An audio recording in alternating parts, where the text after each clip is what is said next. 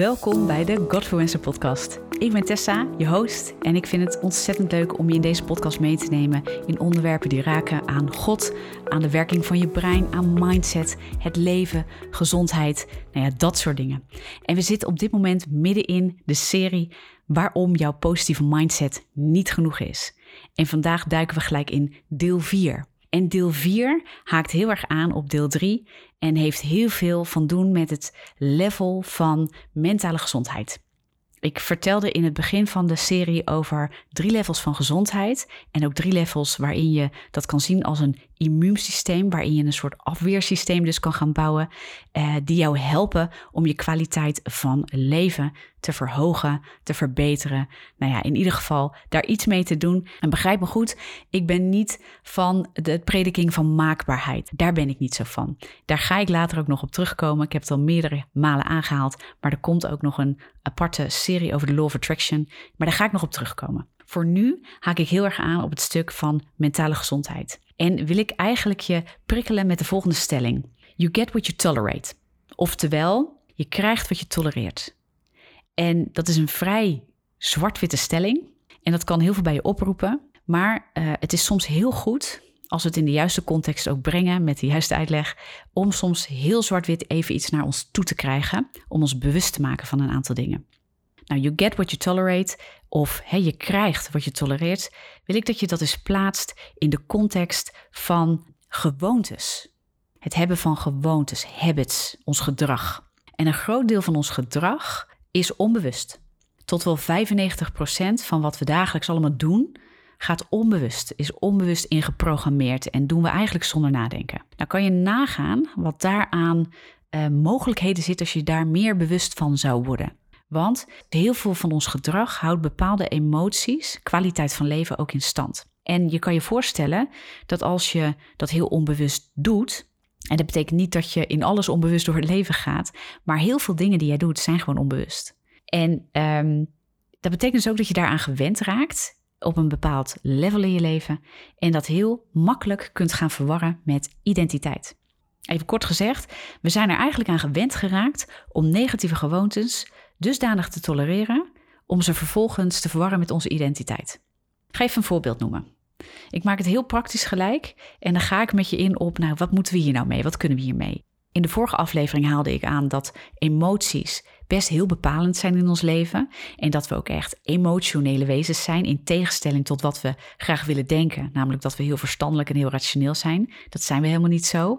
Dus um, onze emoties bepalen veel meer als dat we denken. Zowel bewust als ook zeker onbewust. En dan moet je ook nog eens bedenken dat heel veel gewoontes, gedrag, wat wij overdag nou ja, doen, vertonen, dat is dus voor 95% in veel van de gevallen onbewust. En dan moet je eens bedenken dat, um, dat wij denken dat als we maar positief gaan denken. En ik chargeer het natuurlijk, ik breng het ook zwart-wit even hè, bij je. En dat als we maar beter gaan spreken, dat dan ons leven verandert.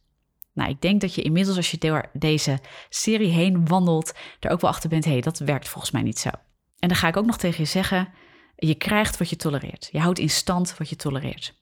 En dan ga ik even de koppeling maken naar negatieve emoties. En laat ik daar gelijk even een side note bij plaatsen. Ik heb het niet over functionele emoties, die wij misschien niet altijd fijn vinden. Emoties die komen kijken bij verdriet. Weet je, als je verdrietig bent. Uh, boosheid, frustratie. Um, je niet fijn voelen als je gekwetst wordt. Gevoelens van afwijzing. Ik zeg namelijk niet dat die emoties er niet mogen zijn. Sterker nog, ook dat soort emoties horen absoluut bij het leven, hebben een functie en moeten niet worden weggedrukt. Ik heb het niet daarover. Maar als we kijken naar emoties, dan moeten emoties inderdaad functioneel zijn. Het helpt ons ergens doorheen te komen. Het helpt ons te groeien in processen. Het helpt ons te groeien in relatie. Het helpt ons te groeien in onze dromen die we willen bereiken. Het helpt ons te groeien als mens. Zolang het dat doet, is het ook gewoon goed dat het er is.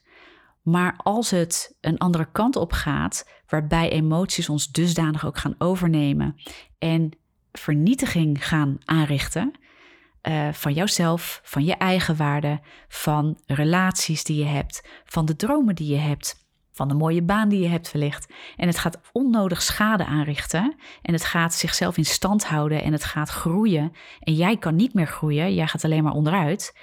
Dat is het punt waarvan ik eigenlijk op aan wil haken met deze stelling. You get what you tolerate. En dat kan best binnenkomen. Want als je nu naar deze podcast luistert en je denkt, nou Tess, ik voel me helemaal niet zo fijn, al heel lang niet. En ik heb zelfs misschien wel, uh, nou ja, depressieve gevoelens. Of ik zit in een burn-out. Of ik zit, nou ja, in ieder geval niet lekker in mijn vel. Of misschien denk je, nou, ik zit op zich wel prima in mijn vel, maar dingen kunnen beter. We hebben als mensen ook dat streven, we willen ook groeien. Dan kan het best even raken. Want zo'n stelling zou je ook het gevoel kunnen geven dat het dan dus jouw schuld is dat jij zit waar je zit. En um, dat kan best een zware last zijn als je dat nu voelt. En dat is niet mijn doel. Mijn doel is dat je uh, beseft, hey, dit is een gebroken wereld. Er gebeuren dingen, er zijn jouw dingen overkomen waarschijnlijk. Maar in al die dingen is jou gegeven een bepaalde mate van eigenaarschap. En gelukkig, als je je daar bewust van wordt, dan mag jij in jouw deel, dat wat jij kan, dat wat jij uh, in handen hebt gekregen, daar kun jij keuzes in maken die jou helpen om daar een verandering in te brengen. Daar is deze podcast ook voor, dat je dat beseft.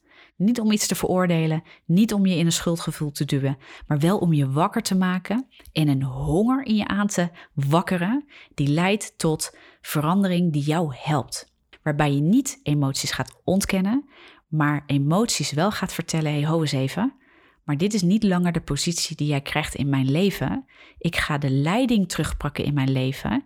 En ik ga naar mijn fundamenten en geloof kijken, waar ik het in de vorige aflevering ook over had. Dat wat je bouwt in je hart. Als fundament ook voor alles wat je voelt, wat je denkt en wat je spreekt.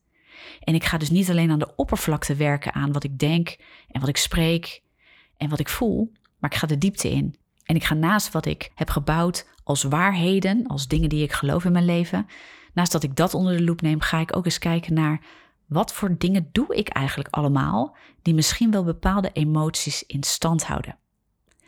En het gevoel waar je elke dag mee wakker wordt, als dat regelmatig of op dagelijkse basis een niet positief gevoel is. En een gevoel is dat jou passief houdt en mat houdt en vervelend houdt en jou afhoudt van de dromen en jou afhoudt van groei, dan weet je eigenlijk als je te luisteren, ik wil daar wat mee. En dan wil ik een honger in je aanwakkeren, wat je, wat je drive wordt om in beweging te gaan komen. En is te durven zeggen, weet je, niet alles is mijn schuld, maar ik ga wel pakken wat ik nu kan pakken en ik ga mijn emoties niet ontkennen, maar ik ga ze in iets andere plek toekennen. Als je hebt kunnen concluderen, hé, hey, wacht eens even, maar dit is mij aan het vernietigen, dit is mij klein aan het houden, dit is mij naar beneden aan het duwen. Dat is de context. En dan mag je kijken, hé, hey, wat tolereer ik nou eigenlijk in mijn leven? Wat heb ik onbewust allemaal aan patronen die dit ding van mij in stand houden? En pas als je daar bent, kun je gaan kijken, hé, hey, maar wat zou ik dan moeten gaan doen eigenlijk? Wat zou het nou goed zijn om eens onder de loep te nemen qua fundament wat eronder ligt? Wat geloof ik dan over mezelf? Wat geloof ik dan over mijn situatie en mijn emoties? En wat voor gedrag koppel ik daar nou continu aan? Ik heb heel lang last gehad van depressie en daar zitten heel veel bolwerken omheen. De Bijbel spreekt ook wel over bolwerken um, en ik noem dat ook bolwerken. Er zitten heel veel patronen omheen die allerlei dingen in stand houden en zeer zeker mijn depressie ook in stand hielden. En heel kort durf ik daar wel wat over te delen, maar in een hele bijzondere ontmoeting die ik heb ervaren met God, ben ik echt geconfronteerd met een aantal van die dingen. En dat is best pittig. Maar God is liefde. En als God iets confronteert, is dat om je uit uh, iets weg te halen waarvan God weet dat vernietigt je, dat maakt dingen kapot, dat gaat in tegen mijn woord, dat gaat in tegen mijn waarheid, dat gaat in tegen mijn liefde en al wat ik voor je heb. En daar wil ik je uithalen en ik wil je brengen op een plek waar je je identificeert met mijn liefde en niet met wat je hebt geleerd in de wereld of wat je hebt geleerd door pijn en gebrokenheid. Dat is het verschil. Alles wat wij leren en bouwen door pijn en gebrokenheid, dat mogen we eigenlijk gaan vervangen door de dingen die God ons leert vanuit zijn waarheid en liefde en als een nieuwe waarheid in ons wil planten. Dat is wat ik geloof dat Romeinen 12 vers 2 ook zegt. Dat we onze gezindheid, onze mind, oftewel onze wil, onze verstand, onze emoties, onze ziel, onder de waarheid en liefde van God mogen brengen en daardoor gaan we transformeren. De wereld leert ons gebrokenheid. Helaas, en daardoor hebben we heel veel gewoontes en emoties ontwikkeld en een gemoedstoestand soms ontwikkeld, waar we eigenlijk continu woning innemen, waar we continu zitten, ja, wat niet van God is. Daar wil ik je echt mee bemoedigen in deze aflevering. En daarom neem ik dit ook absoluut mee in deze serie. Raise your standards. We mogen onze standaard voor onze gemoedstoestand en onze mentale gezondheid mogen we veranderen. En die mogen we veranderen naar de standaard van God zelf. En ja, ik denk dat Jezus ook met wie hij is. En hij zegt, als je mij hebt gezien, heb je de Vader gezien. Ja, dat is onze standaard. Jezus is onze standaard. En liefde is een persoon, eigenlijk. Dat is Jezus. En ik geloof ook um, dat als we hongerig worden naar de mogelijkheid dat we onze standaard kunnen verhogen en dat we onze gemoedstoestand vanuit liefde en relatie met God dus kunnen gaan um, ja, inzichtelijk maken, bewust kunnen maken en het verschil gaan zien tussen wat we hebben gebouwd in gebrokenheid en wat we mogen bouwen in heelheid, in liefde met God. Ja, dat is een enorm verschil. En het eerste wat je daarvoor moet begrijpen is dat je je niet langer identificeert met jouw gemoedstoestand als die niet is gebouwd uit de liefde van God. Als die voortkomt uit gebrokenheid, als die voortkomt uit negatief uh, geloof over jezelf. Dat je niet waard bent of dat je uh, er niet toe doet of dat je dingen niet kunt. Weet je, dat is iets wat je dus mag gaan veranderen. Als je elke ochtend opstaat met een leeg gevoel, een onvoldaan gevoel, een naar gevoel, negatief gevoel, een slecht beeld over jezelf, dat mag je veranderen. En je mag weten dat kan veranderd worden. En daarvoor mag je je brengen in de liefde van God. En mag je leren bij Hem wat daadwerkelijk waar is. Ook over jouzelf, ook over jouw identiteit. You get what you tolerate. Raise your standards. Oftewel, we mogen onze gewoontes onder de loep nemen. Dus ik wil het vandaag niet alleen hebben over, hey, wat geloof je nou, dat fundament. En ook niet over wat denk je en wat spreek je en wat voel je. Maar wat doe je? Wat doe je de hele dag door? Wat doe je s'avonds waardoor je ochtends misschien wel heel vervelend wakker wordt? Want het heeft invloed op elkaar. Als ik heel veel aan het malen en piekeren ben geweest, of ik heb hele negatieve gedachten uh, waar ik helemaal op in ben gegaan de avond ervoor, uh, ja, dan word ik niet lekker wakker.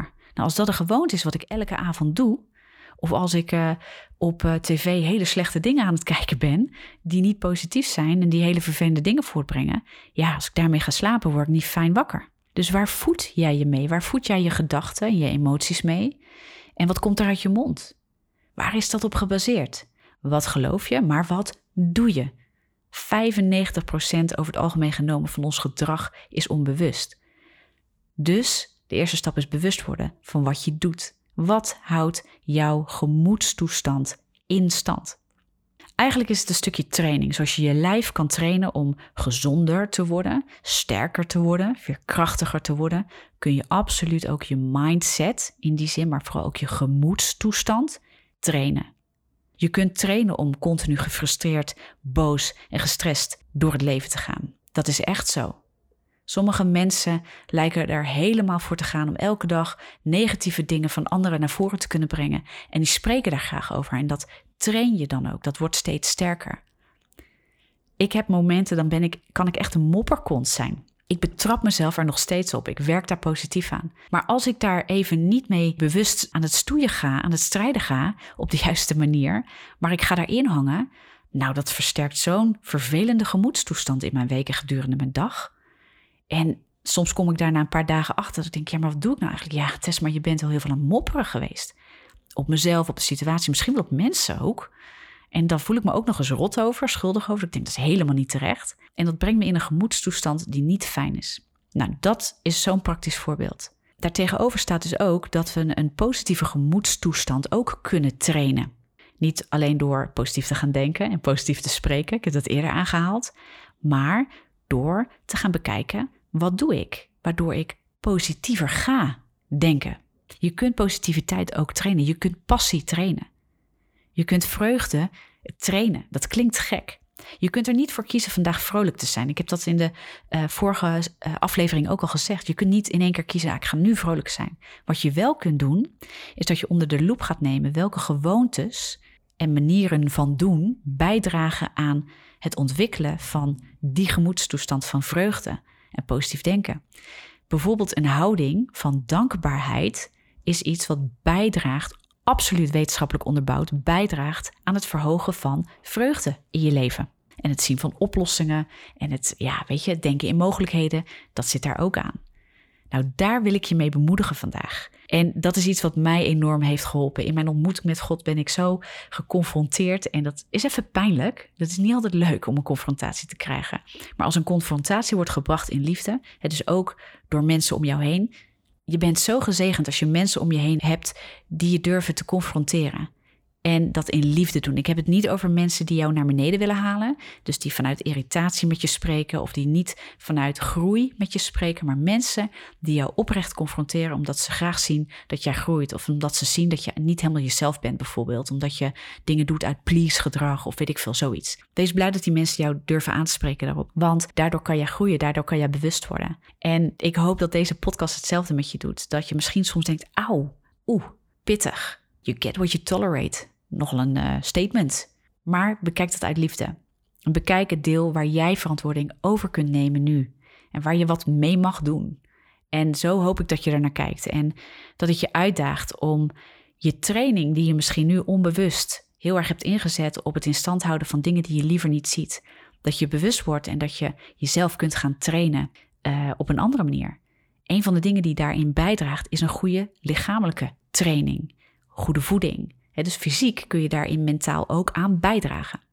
Maar mentaal kun je het ook echt trainen. En dat is door naar je gewoontes te kijken, je emotionele gewoontes. Dat wat je doet, wat bepaalde dingen in stand houdt. En daarmee wil ik je gewoon enorm bemoedigen, aanvuren en honger in je aanwakkeren, zodat je de drive gaat ervaren van hé, hey, hier kan ik wat mee, dus hier wil ik wat mee en ik ga het onder de loep nemen en ik ga het concreet maken voor mezelf. Zie het als training. En elke training gaat met vallen en opstaan. En het gaat niet over één nacht ijs. Weet je, dat lukt je niet in één keer vandaag. Je kunt niet kiezen om vandaag je beter te voelen. Waar je wel vandaag en elke dag die volgt voor kunt kiezen, is dat je dingen gaat doen die ervoor zorgen dat jij je beter gaat voelen. Hey, ik wil je ontzettend bedanken dat je weer hebt geluisterd naar deze aflevering en dat je aan het luisteren bent naar deze serie. Ik hoop absoluut dat het je opbouwt. En als dat het doet, deel het met andere mensen. Schroom niet, gooi het op social media, deel je enthousiasme. En nogmaals, als je vragen hebt of als het je raakt, benader me Tessa van Olst op Instagram, op Facebook. En dan gaan we binnenkort door naar aflevering 5. En dan gaan we een stap maken naar spirituele gezondheid, naar dat derde level waar ik het ook al eerder over heb gehad. Ik zegen je en ik spreek je snel.